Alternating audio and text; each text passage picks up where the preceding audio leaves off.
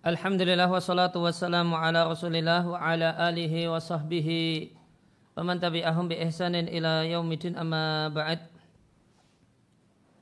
Kaum muslimin dan muslimah rahimani wa rahimakumullah kembali kita lanjutkan bahasan seputar ya, fikih berkenaan dengan hubungan biologis atau hubungan suami istri.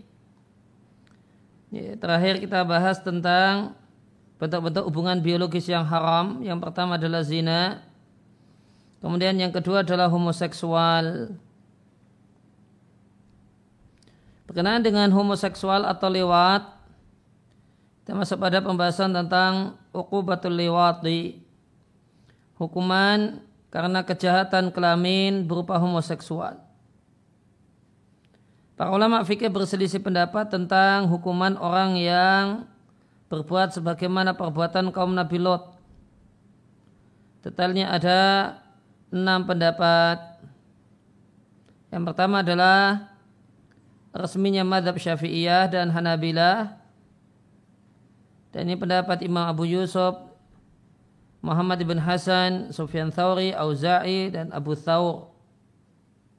Bahasanya hukuman untuk pelaku homoseksual baik yang statusnya sebagai subjek ataupun objek itu seperti zina.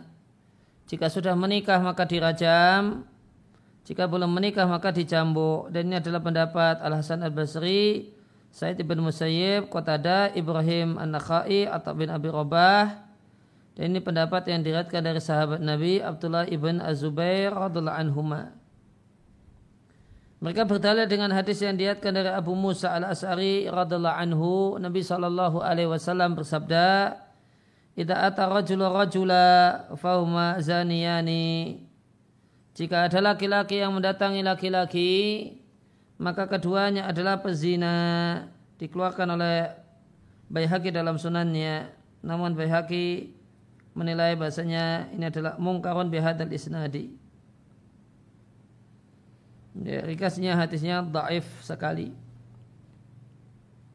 Kemudian pertimbangan yang lainnya adalah karena ini adalah hubungan biologis yang terjadi fi mahalin di tempat yang memang diinginkan oleh tabiat manusia namun dilarang oleh syariat. Maka wajib melekat padanya hukuman had dikiaskan dengan jalan depan perempuan. Bahkan pelaku homo itu lebih berhak untuk mendapatkan hukuman had. Karena orang yang melakukan hubungan ya, karena homoseksual berarti memasukkan dakar ke anus maka dia mendatangi satu tempat yang tidak boleh didatangi behalin sama sekali. Lain halnya dengan hubungan biologis di jalan depan, maka dia boleh dalam sebagian keadaan. Uh, Al-Imam Syafi'i dan para ulama Hanabila menegaskan bahasanya kalau tidak muhson, belum pernah menikah kemudian melakukan homoseksual, maka dicambuk kemudian diasingkan selama satu tahun sebagaimana zina. Pendapat yang kedua, pendapat Imam Abu Hanifah, Ahmad ibn Abi Sulaiman dan Al-Hakam mengatakan tidak ada hukuman had untuk pelaku homo, akan tetapi ya, terdapat padanya hukuman takzir. Ya, bentuk takzirnya adalah e, dibiarkan di dalam penjara sampai mati atau sungguh-sungguh bertaubat.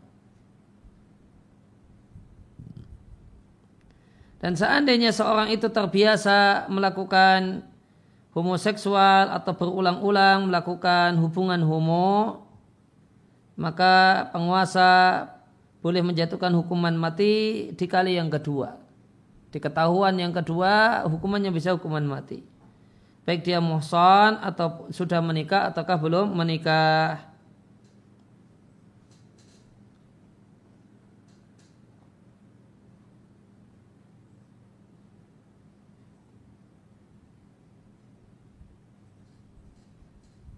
Kemudian pendapat yang ketiga adalah pendapat Malikiyah yang mengatakan bahasanya hukuman untuk kejahatan seksual homoseksual adalah arajmu mutlakon adalah hukuman dirajam dilempari dengan batu sampai mati baik dia sudah menikah ataukah belum menikah. Dan rajam ini berlaku untuk subjek ataupun objek. Baik sudah menikah ataukah belum menikah dan ini adalah pendapat Umar bin Khattab Ibnu Abbas Jabir ibn Zaid Ubaidillah ibn Amr, Zuhri ibn Habib, Rabi'ah, Ishaq bin Rahuya. Ini adalah salah satu pendapat di kalangan Syafi'iyah dan salah satu pendapat Imam Ahmad. Dalilnya adalah sabda Nabi Shallallahu Alaihi Wasallam yang bersifat umum. Man wajatumu ya'malu amala qaumi lutin faqtulu al-fa'ila wal maf'ula bihi.